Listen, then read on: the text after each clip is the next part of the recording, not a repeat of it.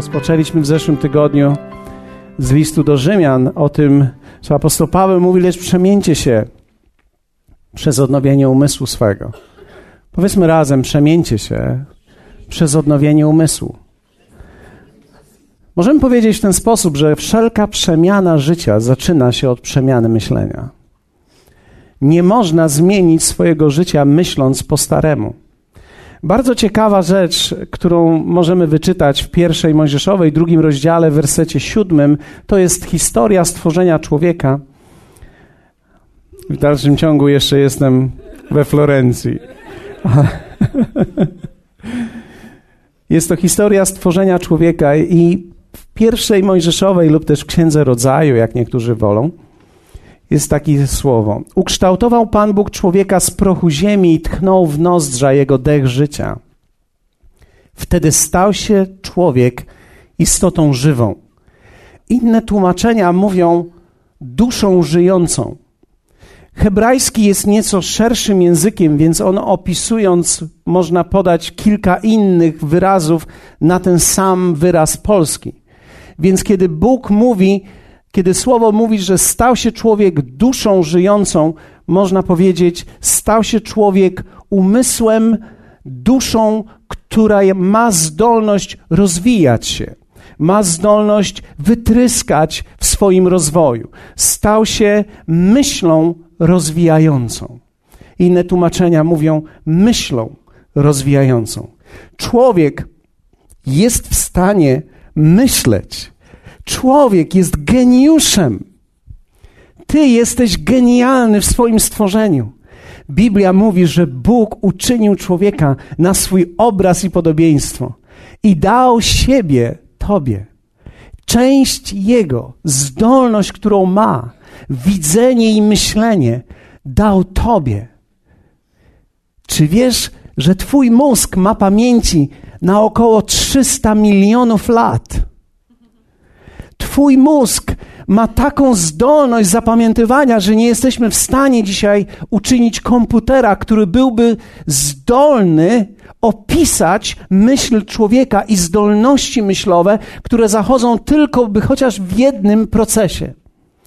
Powiedzieliśmy również, że myśl nie jest czymś niematerialnym, ale myśl jest tworzoną proteiną którą każdy z nas, za każdym razem, kiedy powstaje myśl w, twoim, w Twojej głowie, w Twoim umyśle, tworzy żywą, prawdziwą jednostkę, proteinę. Tak naprawdę jest to skupisko protein. Skupisko, które czasami można zmierzyć i tworzyć z tego pewnego rodzaju drzewa, tak zwane proteinowe. I tutaj próbuję to narysować e, nieco nieudolnie. Myślę, że pewnego dnia, jak będziemy mieli już zakupiony być może jeden duży wideoprojektor, wtedy na tej dużej ścianie, o której marzę, albo tamtej dużej ścianie, o której marzę, będziemy w stanie pokazywać Wam te wszystkie obrazy, które odnajduję, bo są one genialne. Ja e, pożyczam sobie tą tablicę i czuję się za nią dobrze, ponieważ kiedyś byłem nauczycielem i tak mi jeszcze zostało. Więc pamiętam to uczucie stania przy tablicy, które w momencie, kiedy człowiek nie jest uczniem, jest nieco lżejsze. Te dolne tutaj krzewy albo drzewa to są nasze myśli podświadome. Te górne natomiast są to wystrzeliwane z tego różnego rodzaju informacje i myśli, które tak naprawdę na bardzo dużych powiększeniach tworzą taki rodzaj właśnie drzew, krzewów, i to jest tylko jedna myśl, która składa się z około 300 milionów natomiast protein. W tym tygodniu mieliśmy mnóstwo różnych e, komentarzy na temat drzew proteinowych, więc kiedy kiedy rano przychodziliśmy do pracy, pytaliśmy się, jak się mają Twoje drzewa proteinowe? Czy są dobre, czy są złe? Dlaczego? Ponieważ okazuje się, że człowiek został uczyniony, aby żyć z Bogiem w miłości bez lęku. Więc jego mózg i zdolności umysłowe zostały uczynione w taki sposób, aby człowiek mógł się rozwijać i nie bać się niczego, aby mógł wierzyć o wszystko. Tak naprawdę człowiek został uczyniony do świata zdrowego, żywego, rozwijającego się i pozytywnego. Dlatego każda myśl, która jest napełniona lękiem, każda myśl, która jest napełniona negatywizmem, tak naprawdę nasz mózg nie wie, jak sobie z nią poradzić. W związku z tym, kiedy przychodzą negatywne myśli, i kto z Was wie, jak wyglądają negatywne myśli Twoje? One tworzą proteiny również, które są zniszczone u swojej podstawy są dotknięte, są zniszczone, w związku z tym tworzą całe drzewa i kolonie drzew chorych protein, które to wpływają na całe nasze organy, przede wszystkim na nasze serce, które ma 40 tysięcy komórek połączonych wraz z umysłem. Dlatego, kiedy człowiek boi się tutaj, boi się również w swoim sercu. Dlatego też serce reaguje na każdą pozytywną i negatywną myśl, pompując w rytmie, które zależy od tego, o czym myślimy. Zatem te nieprawidłowe drzewa proteinowe potrafią wpływać na całe nasze systemy w naszym organizmie. Wszystkie komórki są połączone ze sobą i lekarze i uczeni mówią, że pomiędzy 75 a 98% chorób dzisiaj związanych jest ze sposobem myślenia człowieka. Dlaczego? Dlatego, że w momencie, kiedy grzech przyszedł na świat, grzech przyszedł jako alternatywna myśl. Pamiętacie tą historię z wężem? Diabeł przyszedł do Ewy i powiedział: Na pewno nie umrzecie. Alternatywna myśl. Na pewno nie umrzecie, ale Bóg wie, że będziecie i staniecie się tacy jak On. Będziecie znali dobro i zło, bo tak znacie tylko dobro, a tak poznacie również zło. I ona zerwała i zjadła i dała swojemu mężowi. Wielu biblistów zastanawia się, co by się stało, gdyby Adam powiedział: Nie, nie, nie nie będziemy z tego jeść. Prawdopodobnie grzech Ewy byłby odkupiony, dlatego że Ewa zjadła, bo pragnęła, ale Adam zjadł, bo był nieposłuszny. I z powodu tego nieposłuszeństwa nagle lęk przyszedł na oboje z nich. Dlatego też Bóg chodził po ogrodzie i wołał: Adamie, gdzie jesteś? A tu jestem. Za kolumną się schowałem. Bałem się, Bałeś się. To zupełnie nowa rzecz. Zupełnie nowa rzecz. Jak możesz się bać? Czy przez przypadek zjadłeś z tego drzewa? Wiecie, myśl negatywna i grzech. Grzech pochodzi z myśli alternatywnej, która została dana człowiekowi, która tak naprawdę zniszczyła jego i zaczął się bać. Myśli, które płyną z lęku, niszczą nas i od tego momentu rozpoczęła się spirala zniszczenia człowieka. Zniszczenia nie tylko jego żywotności, ale również ograniczenia jego żywotności. Dlatego, że człowiek bez lęku i bez grzechu mógł żyć wiecznie.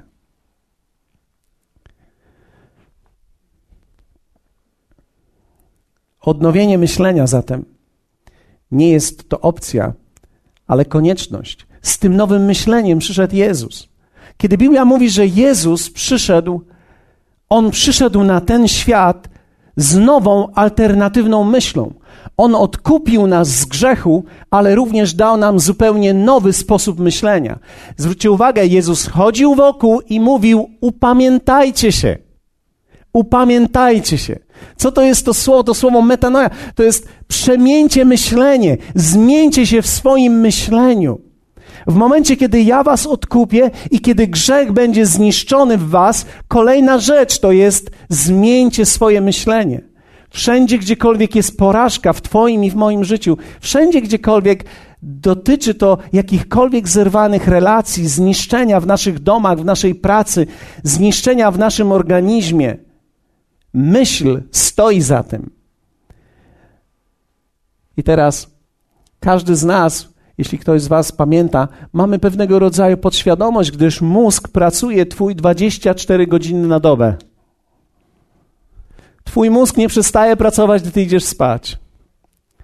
W momencie, kiedy kładziesz się spać, on organizuje myśli, porządkuje myśli, które miałeś przez cały dzień. Dlatego jest również tak ważne, z jakimi myślami zasypiamy, gdyż one, te pozytywne myśli, tworzą drzewa proteinowe, z którymi ty budzisz się rano i czujesz się dobrze. Czujesz się dobrze bądź źle, w zależności od tego, z jakimi myślami intensywnymi zasypiasz, ponieważ z takim, z takim odczuciem i emocją będziemy się budzili. Zwróćcie uwagę, jak niesamowite zatem jest to, kiedy człowiek może oddawać chwałę Bogu wieczorem. Kiedy nie musimy zasypiać przed telewizorem oglądając horror.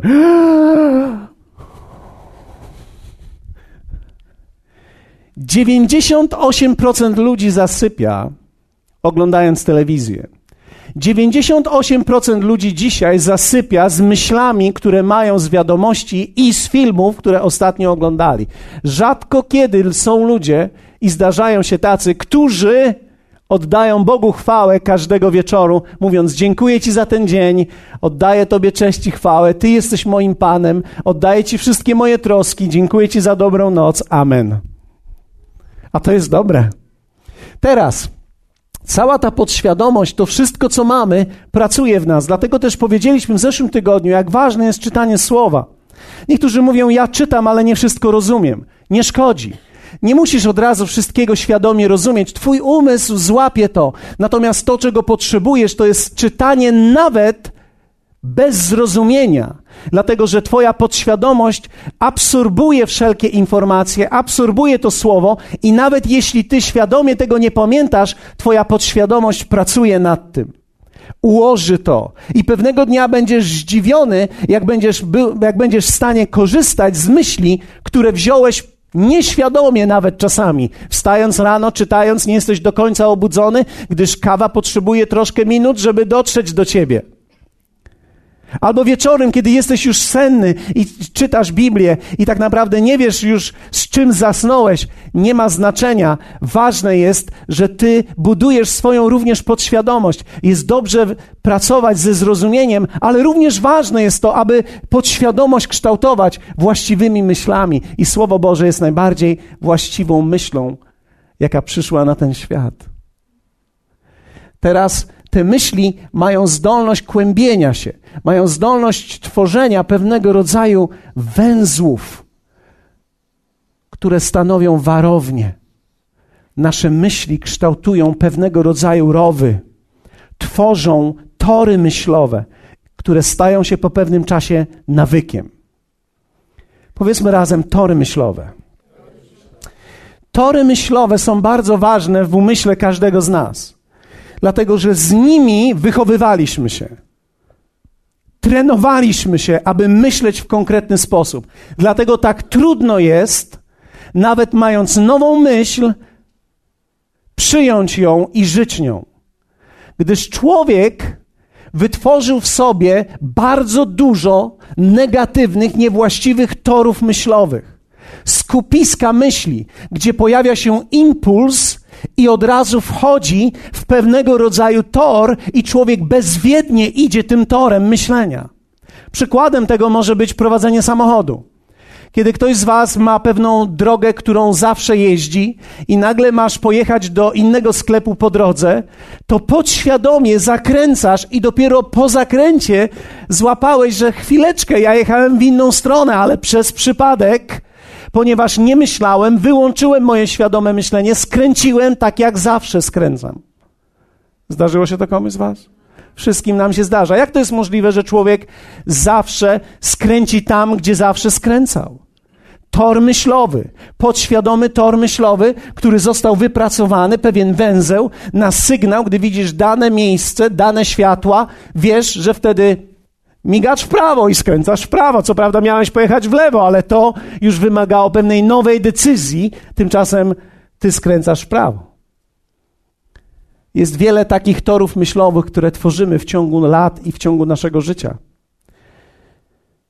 te, na, te tory myślowe stają się po pewnym czasie nawykiem, a niektóre z nich stają się warownią. Warownią. Wręcz warownią.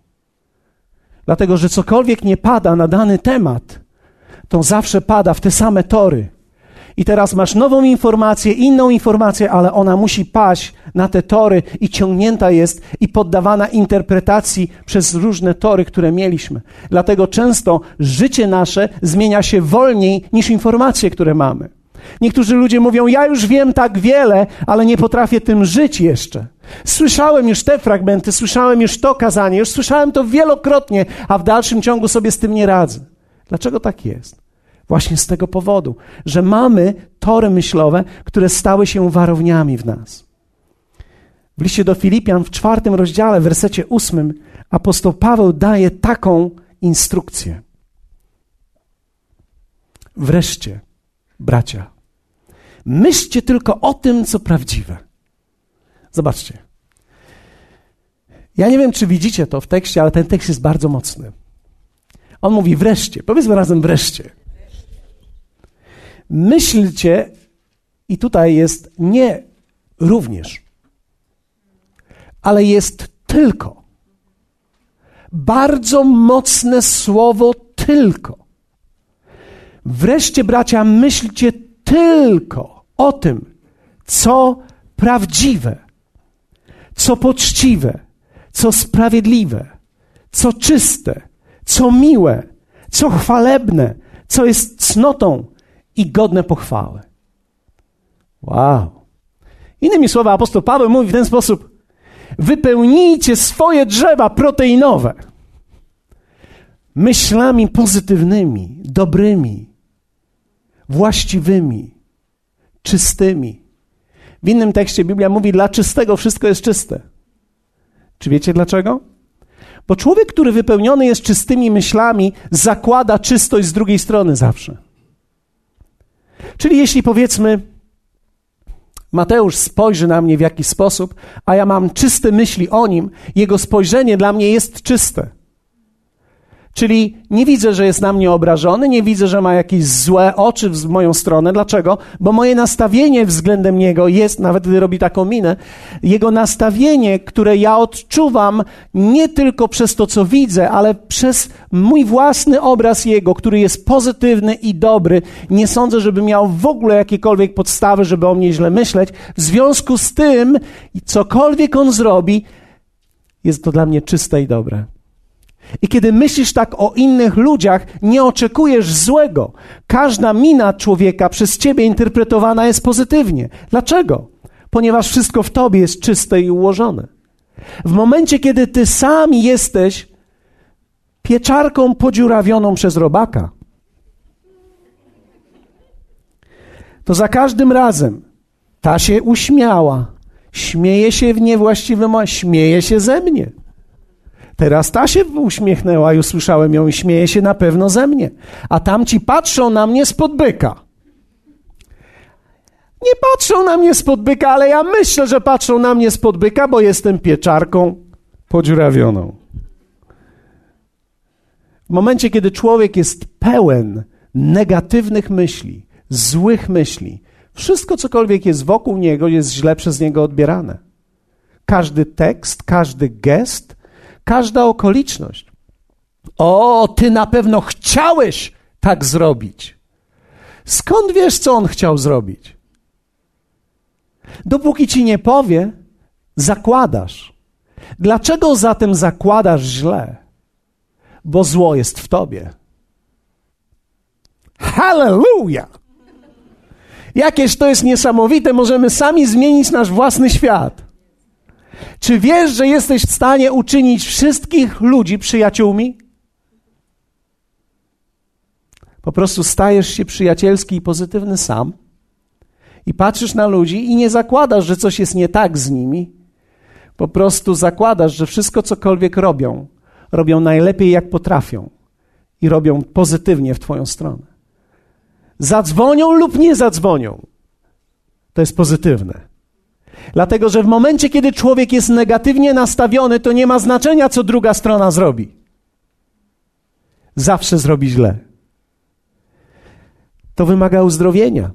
Dlatego, że to są nasze warownie, to są nasze tory myślowe, które nas niszczą i sprawiają, że nie jesteśmy w stanie funkcjonować właściwie i nasze życie się nie zmieni, bo będziemy oczekiwali tylko negatywnych rzeczy. I apostoł Paweł w liście do Filipian mówi: Wreszcie, bracia, myślcie o tym, co prawdziwe, co poczciwe, co sprawiedliwe, co czyste, co miłe, co chwalebne, co jest cnotą i godne pochwały. A więc myślisz o kimś, myślisz: Wow, jaki wspaniały człowiek i ma takie cechy jeszcze, i ma jeszcze takie cechy. Każdy ma wady, ale nie jesteśmy po to, żeby się koncentrować na nich. Jesteśmy po to, żeby koncentrować się na tym, co jest w nim pozytywne to, co jest dobre w nim, to, co jest w nim godne pochwały, to, co jest w nim cnotliwe. Więc to, czym się dzisiaj zajmujemy, to się zajmujemy, moi drodzy Państwo, neuroplastyką. Zajmujemy się neuroplastyką, czyli uplastyczniamy i tworzymy zupełnie nowe tory myślowe w naszym własnym życiu, po to, aby zmieniło się nasze życie. Bo Twoje i moje życie nie zmieni się, dopóki nowe tory nie powstaną. Woda popłynie zawsze najgłębszym kanałem. Więc kiedy został stworzony jakiś kanał, to jeśli chcesz, aby woda popłynęła innym, musisz uczynić głębszy kanał, mocniejszy kanał. Prawdopodobnie nie wyeliminujesz tych kanałów ale udrożnisz zupełnie nowe, wykopiesz zupełnie nowe, więc kiedy pojawi się impuls i woda, ona popłynie nowym kanałem. Czy to oznacza, że nie ma potencjału popłynąć tamtym? Popłynie, jeśli zasypiemy ten nowy. Dlatego też często mówi się o tych, którzy mają jakiś nauk. Wiecie, nałogi są umysłowym nałogiem. Nie da się pokonać tylko nałogu fizycznie, trzeba pokonać nauk w umyśle. Palenie, picie, narkotyki, pornografia, cokolwiek to jest, to jest nasz umysł, który został wytrenowany. I teraz, cokolwiek masz w swoim życiu, jesteś w stanie to zmienić przez głębszą rysę i tor myślowy. Co wcale nie oznacza, że te, które miałeś, zaginą. Dlatego potencjał, mówi się, pozostaje. Dlatego często alkoholicy mówią, Stasiu alkoholik. Dlaczego? Ponieważ on uzmysławia sobie, że te tory dalej w nim są. Ale trzeba sobie również uzmysłowić, że są we mnie już też nowe, głębsze, po których, gdzie ich sygnał dotrze, pójdzie zupełnie nowym torem. Nie pójdę jak kiedyś do gospody czy do sklepu, na stację paliw, do monopolowego, ale ten sygnał ukierunkuję zupełnie w nowy sposób. Kiedy mam bodziec, jestem zdenerwowany, zwróćcie uwagę, często ludzie, którzy się denerwują, biorą i chwytają po papierosa. To jest ich schemat, to jest ich tor myślowy. W momencie, kiedy jestem zdenerwowany, to czegoś szukam. Więc dzisiaj zamieniamy to na różnego rodzaju inne używki. Robimy inne fajki wodne teraz. Bo chodzi o to, że człowiek musi zająć ręce. Musi zrobić coś, żeby robić to, co zawsze robił, bo gdy się denerwuje, nie wie, co ma zrobić. Nie wie, co ma zrobić z rękami, nie wie, jak, jak sobie ulżyć w sytuacji takiej presji. Ale Bóg w swoim słowie daje ci zapewnienie i zdolność wytworzenia zupełnie nowego toru, który będzie w stanie pociągnąć za sobą te impulsy, tak że nie będziesz musiał postępować w stary sposób, ale zniszczysz te stare skupiska i zaczniesz budować zupełnie nowe, zupełnie nowe myśli. Jak wyglądają nasze warownie? Bardzo wiele z nich związanych jest z niewłaściwą samooceną.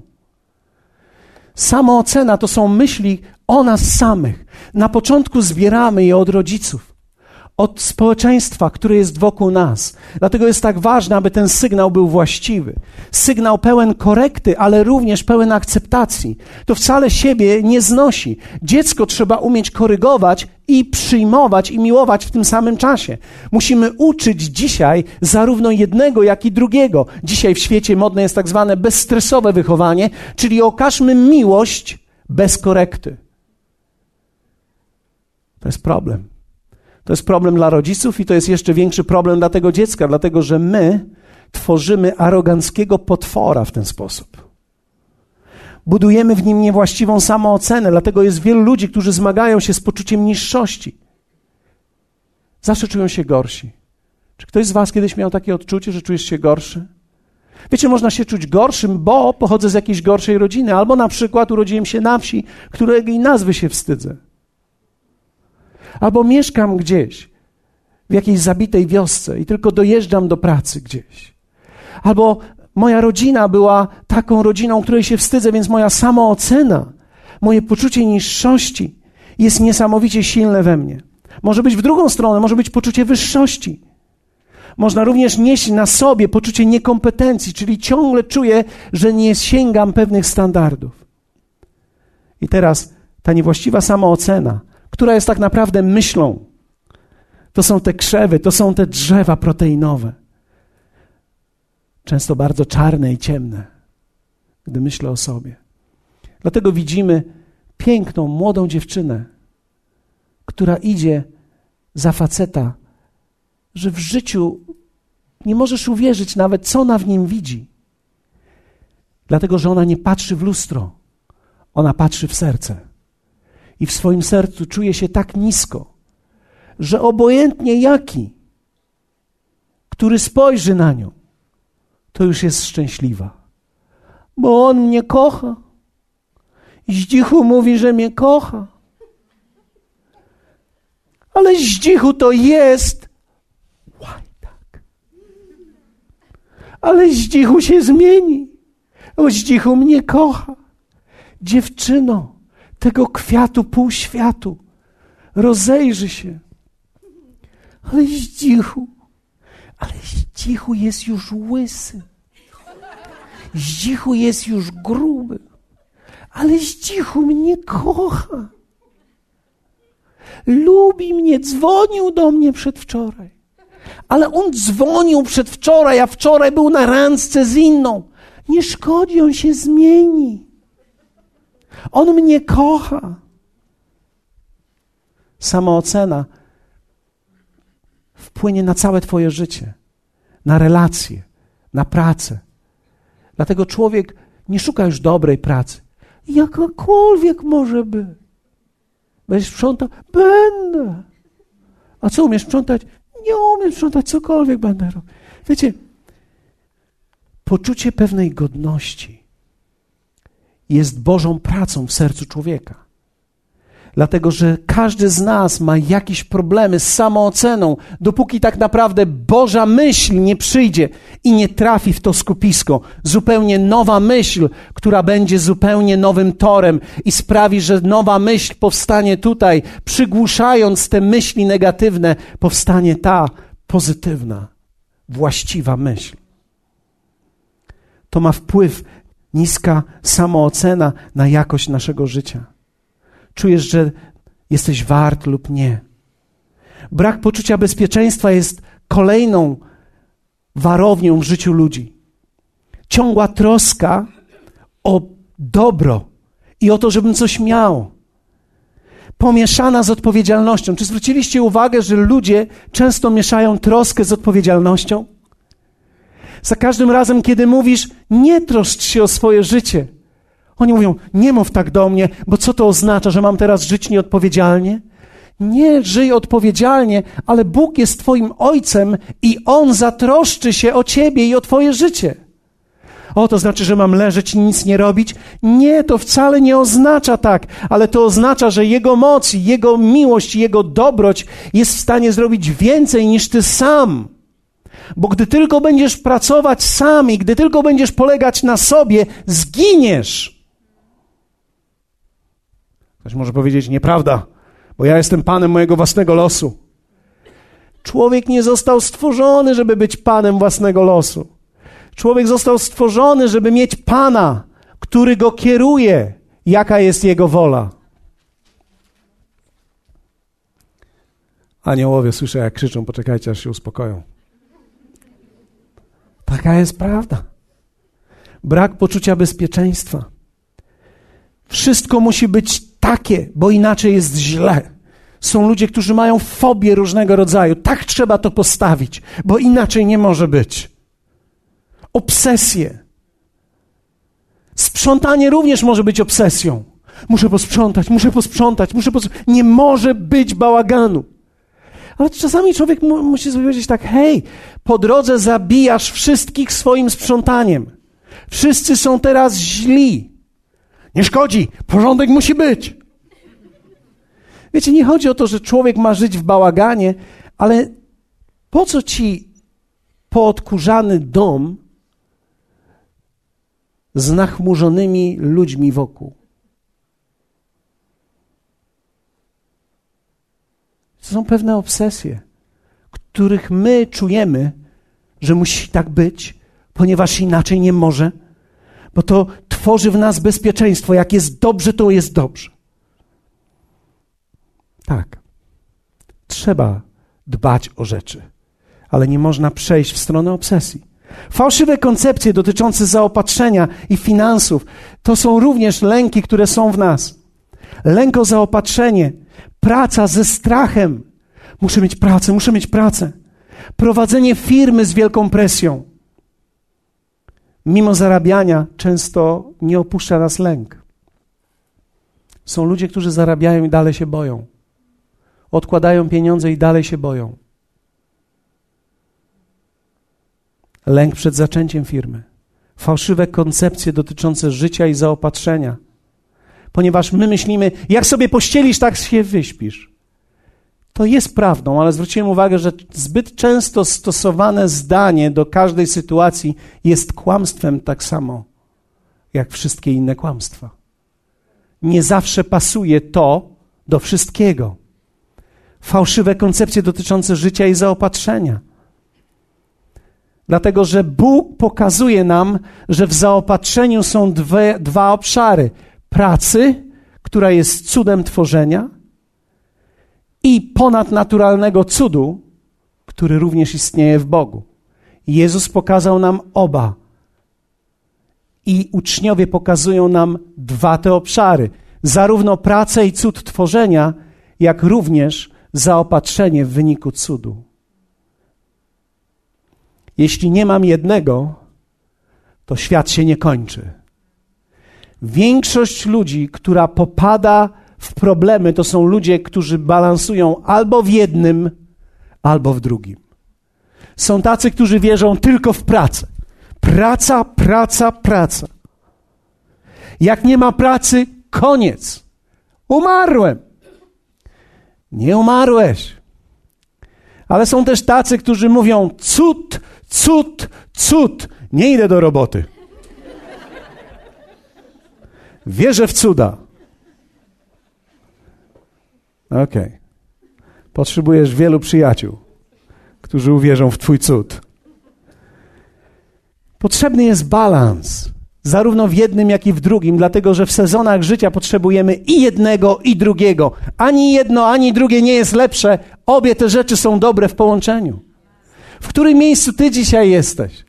Bo wszystko to jest kwestią koncepcji na temat życia. Koncepcji, jakie się w nas rodzą torów, które są wypracowane. Dlatego też warownie są niszczące. Każda porażka w życiu związana jest z jakąś warownią. Logismos, warownia, jest torem myślowym. Powiedzmy razem, każda porażka związana jest z warownią. Każda. Absolutnie każda porażka związana jest z warownią, i teraz, aby pokonać tą porażkę, potrzebna jest nowa myśl, która będzie głębsza niż te tory, które były wcześniej. Problem jest tylko taki, że myśli są połączone z emocjami, więc my czujemy się dobrze w znanych nam emocjach, nawet jeśli są to emocje związane z lękiem. Hallelujah. O czymkolwiek człowiek myśli najczęściej i najdłużej, będzie rosło w nim jak drzewo i będzie połączeniem drzew proteinowych tworzących koncepcję. Dlatego są ludzie dzisiaj, którzy mówią: O, nie da się zarobić, nie ma szans, nie ma możliwości. Co to jest? Czy to jest opis rzeczywistości? Absolutnie nie. Absolutnie nie. Absolutnie nie. Absolutnie nie. Absolutnie nie. Ktoś z Was może powiedzieć, czemu tak często mówisz? Bo myśl, która jest wcześniejsza, musi być pokonana przez zupełnie nową, która jest stanowcza. Więc mówię to, nawet jeśli nie dla Ciebie, to dla Ciebie. Absolutnie nie. Absolutnie nie. Absolutnie nie. Możliwości są zawsze, możliwości są wszędzie i możliwości są za, dla wszystkich. Zawsze, wszędzie, dla wszystkich. Co ty opowiadasz? Ty chyba w ogóle na jakimś innym świecie żyjesz. To prawda. Nie wybudzaj mnie. Nie wybudzaj mnie, to działa dobrze dla mnie. To działa dobrze dla wszystkich tych, którzy żyją w tym samym świecie co ja. Natomiast znam takich z Twojego świata i dla nich nic nie działa. Nic nie działa dla nich. Ktoś może powiedzieć, to brzmi arogancko. No nie! Ale co mam Ci powiedzieć? że jest źle, gdy jest dobrze. Nowa myśl jest w stanie pokonać wszystko. Pytanie tylko, czy ty jesteś gotowy na przemianę tego myślenia? Czy ty wejdziesz z ciężkimi maszynami, żeby robić zupełnie nowe tory, które trzeba przeorać w sobie względem torów, które były do tej pory we mnie? Tworzenie nowych torów jest jak tworzenie nowych nawyków. Jedną z rzeczy, która jest interesująca, którą ostatnio przez kilka tygodni studiowałem, to jest to, że uczeni zobaczyli, że to umysł kontroluje mózg, a nie mózg umysł. Czyli sposób, w jaki myślisz, toruje Twój mózg, a nie taki, jaki jest Twój mózg, tak myślisz. Inaczej mówiąc, urodził się głupak, to głupak jestem. Nikt nie musi być głupak. Nikt nie musi być mało inteligentny. Ty jesteś tak inteligentny, jak tylko chcesz być inteligentny. O, ja tam się na Harvard nie nadaję. Ty nawet nie wiesz, na co się nadajesz. Po prostu dwie twoje sąsiadki może na Harvard nie pójdą, a ty się dobrze czujesz między nimi. Więc po gdzie miałbyś iść? Tymczasem nie mów, że się nie nadajesz, bo nadajesz się. Jesteś geniuszem, nierozwiniętym może. Ja nie mówię nie do, ale nie ro. Ale jest wielu ludzi, którzy się obniżają w swoim myśleniu i mówią: Ja się nie nadaję, ja nie umiem. Ty nawet nie wiesz, co umiesz. Jeszcze nie próbowałeś. Tworzenie torów jest możliwe. Ty kontrolujesz mózg. Jesteś w stanie wytrenować swój mózg, że będzie myślał o takich rzeczach i w taki sposób, że zapomnisz nawet, że myślałeś kiedyś o porażce.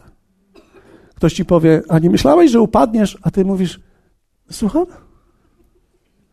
Nie myślałeś, że się nie powiedzie? A co to takiego? Co to za jakaś koncepcja nowa? Dlaczego? Bo nad nią nie myślisz. Nie koncentrujesz się. Czy zwróciłeś uwagę na to, że wiersza, którego nie powtarzasz, zapomnisz go? A ten, który utrwalasz, będzie w tobie rósł. Wszystkie myśli na temat przegranej, wszystkie myśli na temat porażki, myśli na temat relacji, myśli na temat ludzi, myśli na temat pracy, myśli na temat życia są to nasze warownie. I apostoł Paweł mówi: myślcie Myślcie tylko, tylko, tylko o tym, co prawdziwe, co poczciwe, co sprawiedliwe, co czyste, co miłe, co chwalebne, co jest cnotą i godne pochwały. Inaczej mówiąc, trenuj swój mózg i umysł. Dokonaj neuroplastyki swojego mózgu. Ok. Jak to zrobić? Mam 8 minut i zrobimy to. Pierwsze, ucz się myśleć. Uff, co to takiego? Ok. Uwaga, uwaga. To nie jest seans. Powiedzmy razem, ucz się myśleć. To są takie rzeczy jak skupienie. Skupienie. Niektórzy ludzie, gdy się skupiają, zasypiają. To mówi, że twój mózg to jest w kościele. Ja widzę, jak ludzie w kościele zasypiają. Dlaczego? Bo w momencie, kiedy muszą się skupić na czymś, chociaż chwilę, bo mózg przyzwyczajony jest do zabawy non-stop. Więc ty nie jesteś w stanie skoncentrować się na niczym dłużej niż trzy minuty. Sześć minut to już.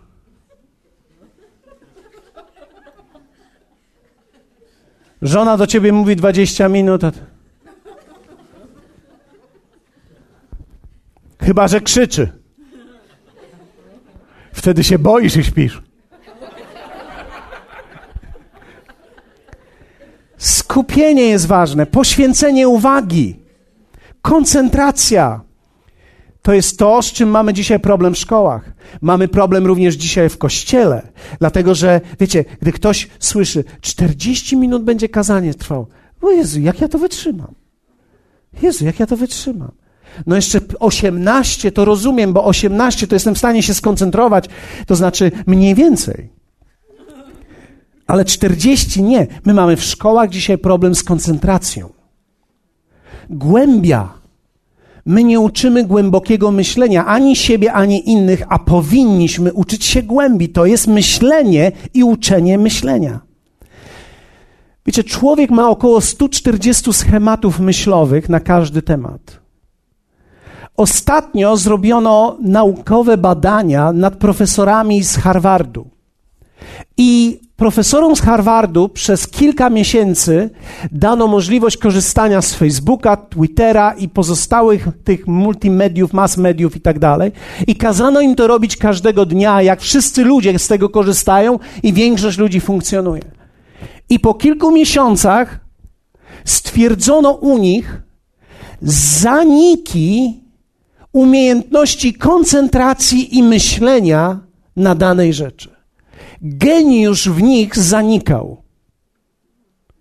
Stwierdzono, że te wszystkie rzeczy, którymi się zajęli, zmuszały ich do tak zwanego płytkiego myślenia. I płytkie myślenie dzisiaj jest chorobą społeczną. Dlatego mówimy czasami, gdybyś tylko pomyślał dwa razy, byłbyś geniuszem. O czymś. Problem jest tylko, że ludzie rzadko myślą o czymś dwa razy. Głęboko, skoncentrowanie. Nie ma tego w szkołach, nie uczymy tego. W szkołach, wiecie, ja byłem nauczycielem, wiem jak to jest. W momencie, kiedy uczysz dzieci myślenia, jest genialne. Nie chodzi o to, co mają zapamiętać, chodzi o to, co robią z tym, co wiedzą. Czy podróżują w swoim mózgu gdzieś, w myśleniu gdzieś. Szkoły dzisiaj, szczególnie u nas, są nastawione na to, żeby zakuć, zaliczyć, zapomnieć. Nie chodzi o nic. Chodzi tylko o to, żebyś zdał. Więc mamy dzisiaj profesorów bardzo często, którzy mają olbrzymią wiedzę i nie wiedzą, co z tym zrobić.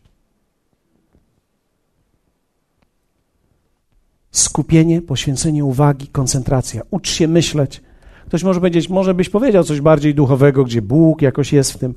Bóg uczy nas myślenia, zaraz do tego dojdę. To jest dokładnie to. Absorbuj Słowo Boże, absorbuj Boże myśli, koncentruj się na nich, skup się. Gdy zabrano im, gdy zabrano im Facebooka, Twittera, Skype, Okazało się, że po kilku miesiącach powrócili z powrotem w swoim myśleniu do geniuszu. Dlaczego? Bo dzisiaj co robimy? Nawet w kościołach. Na Facebook wejdę. O, ten, jakie zdjęcie śliczna kotka. Ktoś napisał, kupiłem sobie kicie. Fajnie. A ci są na wakacjach w górach. Też fajnie. Wszystko wiesz i nic nie wiesz. Wszystko wiesz, co wszyscy inni robią. Ty nie robisz nic. Płytkie myślenie. Co u ciebie słychać? U mnie dobrze. Jak się masz? Fajnie. Buźka. Płytko, jak tylko jest to możliwe. Dyscyplina myślenia jest największą cechą, jaką można nauczyć człowieka, a to jest umiejętność. Dlatego też mamy w Izraelu konieczne było, aby ludzie chłopcy do 12 roku życia znali całą Torę na pamięć. Pięcioksiąg. Recytowali od A do Z.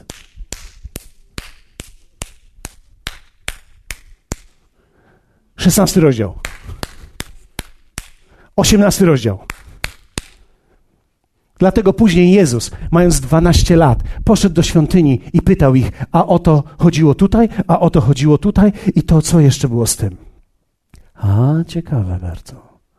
Dlatego spędzali mnóstwo czasu na dyskusjach, za chwilę do tego wrócę, ale to jest bardzo istotne. Ucz się myśleć, skupienie i poświęcenie uwagi i koncentracja. Dlatego dzisiaj mamy zanik czytania książek. Księgarnia, 37 zł. Po co mi 37 zł za książkę? Idę do kafeterii, a jestem Rockefeller wtedy. Sześć ciast, 12 kaw, dla wszystkich. Dlaczego? Bo chwila przyjemności jest dla nas bardziej cenna niż trzy tygodnie ślęczenia nad literaturą.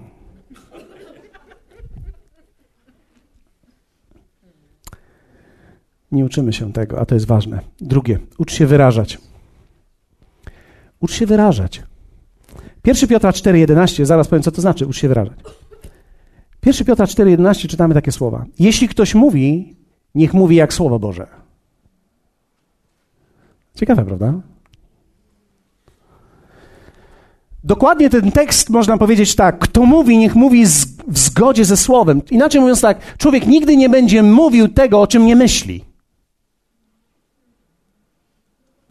I trzeba umieć formułować życie słowami przez właściwe myśli, które tworzymy. Mów, pisz i analizuj, co napisałeś. Zachęcam każdego z Was. Załóż sobie dziennik swój, swoich własnych myśli. Ktoś może powiedzieć, no podnieś nas, podnieś, powiedz, że Jezus nas uzdrowi. Tak, tak to zrobi. Załóż sobie dziennik, zacznij pisać. Zrób sobie notatki, zacznij je analizować. Wpisz coś. Z, zanotuj coś. Dlatego ludzie dzisiaj, ci, którzy notują, poszerzają swoje myślenie. Refleksja jest sztuką pogłębiania myśli.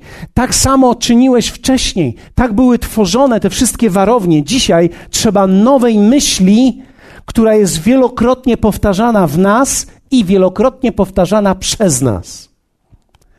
Uczeni rozpoznali, że 7 minut dziennie, 7 minut dziennie myślenia skoncentrowanego, analizy na jeden temat tworzy geniusza. Stworzy zupełnie nowy tor w myśleniu. 7 minut dziennie przez 21 dni i masz nowy nawyk myślenia. Zupełnie nowy. Ktoś może powiedzieć, 7 minut to tak mało. Myślałeś kiedyś przez 7 minut?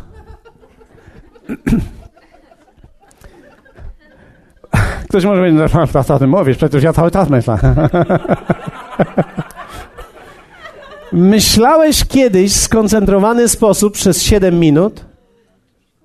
To jest długo. Ostatnio robili badania również nad stanem psychicznym chorych na raka. I chorzy na raka w ostatnim stadium byli w całkowitej depresji. Zrobiono nad nimi badania, one wyglądały w taki sposób. Lekarz przychodził i nie tylko stawał i mówił: O, okej, okay. Mm, okej, okay. poziomy takie, do widzenia. Nie, lekarz podchodził do łóżka, brał za rękę i pytał: Jak się pani dzisiaj czuje? Dotyk, pozytywna myśl, uśmiech, i okazało się, że po dwudziestu paru dniach cały oddział był na wyżynie psychicznej. Ludzie się uśmiechali, rozmawiali, a wyniki podnosiły się. Ale gdy lekarz wejdzie i powie tak, z tego już nic, przygotować worki, ci pacjenci wyszli i chcieli żyć.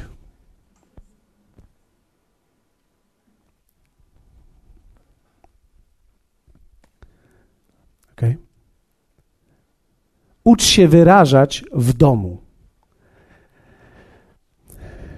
Coś, co chciałem powiedzieć, co jest bardzo ważne, coś, co robiliśmy w wielu, w wielu domach, tego nie widziałem. Prowadź głębokie rozmowy w domu. Mamy imprezę. Impreza. Bawimy się, śpiewamy halleluja. No nie śpiewamy halleluja, tylko szła dzieweczka i tak dalej. Nasze polskie przyśpiewki. Starajcie się szukać rozrywki i przyjemności w głębokich rozmowach. Niech to nie będzie tylko takie, za przeproszeniem, siubździu. Co u ciebie fajnie, co u ciebie fajnie, fajny masz kolor, ty też masz fajny kolor. Mamy fajne kolory, gdzie pójdziemy teraz? Ale jest fajne życie. Kupiłam sobie kieckę, ty też się kupiłeś? Ty jesteś błogosławiona, ja jestem błogosławiona. Aleluja. Aleluja! Aleluja! Prowadzenie głębokich rozmów ze swoimi dziećmi, z synem, z córkami, o finansach, o życiu, o emocjach, o seksie. Cisz. Aż dzieci słychać tam tak. Uczmy się czerpać przyjemność z głębokich rozmów. Wiecie, często głębokie rozmowy oznaczały usiądź tu, no dobra. Musimy porozmawiać. Jezu, jak długo będziemy rozmawiać? Kochanie, usiądź, będziemy rozmawiali. Jezu, no, po co mamy rozmawiać? Co jest źle? Dlaczego ci się głębokie rozmowy rozmo- e, kojarzą, że jest źle? My chcemy głęboko rozmawiać, bo jest dobrze i chcemy, żeby było jeszcze lepiej. Rozważajmy, analizujmy, mówmy, co czujemy, debatujmy, prowadźmy dialog. I ostatnie, ucz się modlić. Uczeni dowiedli, iż 30 sekund modlitwy przemienia drastycznie myślenie i zdolność analizowania i mądrość człowieka, który się modli. 30 sekund. Ostatnie badania naukowe przeprowadzone, grupa naukowców określiła w ten sposób. Trzy minuty są w stanie zmienić życie człowieka, kiedy zrobi człowiek minutę po minucie trzy rzeczy. Nie trzeba długo, nie trzeba wiele. Uczeni zbadali mózg i to jeszcze uczeni, którzy nie wierzyli w to. Jak funkcjonuje mózg człowieka, który mówi innymi językami? Wiecie, mówienie innymi językami kojarzy się z głupotą dla niektórych. A, tak tylko chodzi i fafrotlesz tak. Co to za modlitwa? Ani przy Bogu, ani przy ludziach. A mózg w sklepie. Przeprowadzili badania na ludziach, którzy mówili innymi językami i odkryli, że mózg człowieka modlącego się językami pracuje na bardzo wysokich obrotach w, w obszarze odpowiadającym za język mówiony i bardzo mocno pracuje w kontekście tworzenia głębokich myśli, analizy i perspektywy dotyczącej danego obiektu. Inaczej mówiąc, człowiek, który modli się innymi językami, problem, który ma, jest w stanie zobaczyć z różnych stron ma zdolność widzenia perspektywicznego, 3D i 5D mu się objawia, gdy modli się innymi językami. Człowiek, który się nie modli innymi językami, widzi wszystko na płasko w czarno-biały telewizor i jeszcze wygląda jak ten telewizor jak słoik. Stary słoik. Człowiek, który modli się innymi językami, high definition widzenie obrazu z różnych stron. Jest w stanie obejrzeć to, widzieć problem. To jest bardzo ciekawe, dlatego że Biblia mówi, że umysł nic z tego nie przyjmuje. Umysł w kontekście świadomego myślenia nie, ale podświadomość rozbudowuje się niesamowicie. Jakie są te trzy minuty? Powstańmy razem. Pierwsza minuta. Naukowcy odkryli, że ludzie, którzy dziękują, niszczą stare drzewa proteinowe narzekania i męczenia się z życiem. Gdy się męczysz z życiem, męczysz się z umysłem, nie z życiem. Większość ludzi nie męczy się pracą, ale brakiem jej efektywności i owocności. Z tym się męczymy. Większość ludzi, która widzi swoją pracę owocną, czuje się szczęśliwa po 12 godzinach ciężkiej pracy. Czują, że padają, ale czują, że czegoś dokonali. Minuta dziękczynienia. Drugie, minuta chwalenia za to, co Bóg czyni. Inaczej mówiąc, dziękuję Ci i uwielbiam Ciebie i chwalę Ciebie za to, czego dokonujesz w moim życiu. I trzecia minuta, uwielbiaj Go za to, kim jest. To jest bardzo ciekawe, ale kiedy przyszli uczniowie Jana do Jezusa, powiedzieli: Naucz nas modlić się, tak jak Jan nauczył swoich uczniów. I wtedy rzekł do nich: Gdy się modlicie, mówcie. Powiedzmy razem: mówcie. Jezus powiedział wyraźnie, że gdy się modlisz, mów. Bo Twoja modlitwa nie tylko ma sięgnąć nieba, Twoja modlitwa ma sięgnąć Twoich drzew proteinowych również. I jak masz mówić? Ojcze nasz, któryś jest w niebie, święć się imię Twoje. Więc dziękczynienie, połączenie z Ojcem, połączenie z Nim, połączenie, że mam Ojca, że nie jestem sam, jestem bez lęku, żyję bez lęku.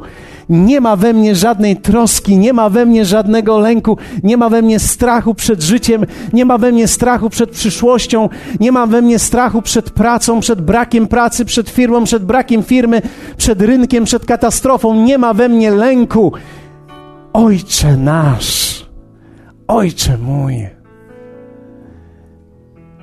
Święć się imię Twoje. Przyjdź królestwo Twoje.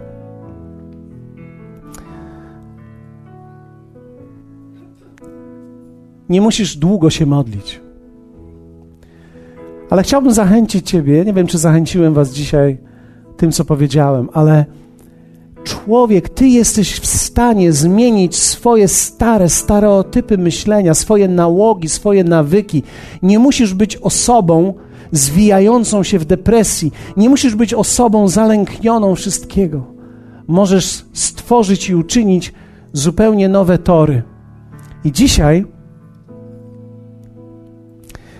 wiecie, niektóre te warownie to są warownie, w które trzeba uderzyć modlitwą i wspólną modlitwą.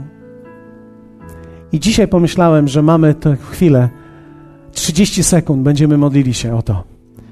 I chciałbym prosić Was teraz o tą wspólną modlitwę. Chciałbym, żebyśmy wspólnie razem podnieśli nasze ręce i modlili się i powiedz, Panie, proszę Ciebie, abyś zburzył we mnie te warownie, które dzisiaj powstrzymują przemianę mojego życia. Proszę Ciebie o te nowe myśli, aby zakorzeniły się we mnie i zniszczyły te stare kłęby, te stare tory, te lęki we mnie. Przyjmuję dzisiaj Twoje nowe myśli i podejmuję decyzję, że będę budować nowe sposoby myślenia i nowe tory myślenia. Będę myślał o tym, co prawdziwe, co poczciwe, co czyste, co miłe co godne pochwały. Będę myślał o tym, co jest dobre, co jest Boże, co jest Twoje. Będę tak myślał o ludziach, będę tak myślał o życiu, będę tak myślał o mojej pracy, będę tak myślał o moich dzieciach, o mojej rodzinie. Tak będę myślał.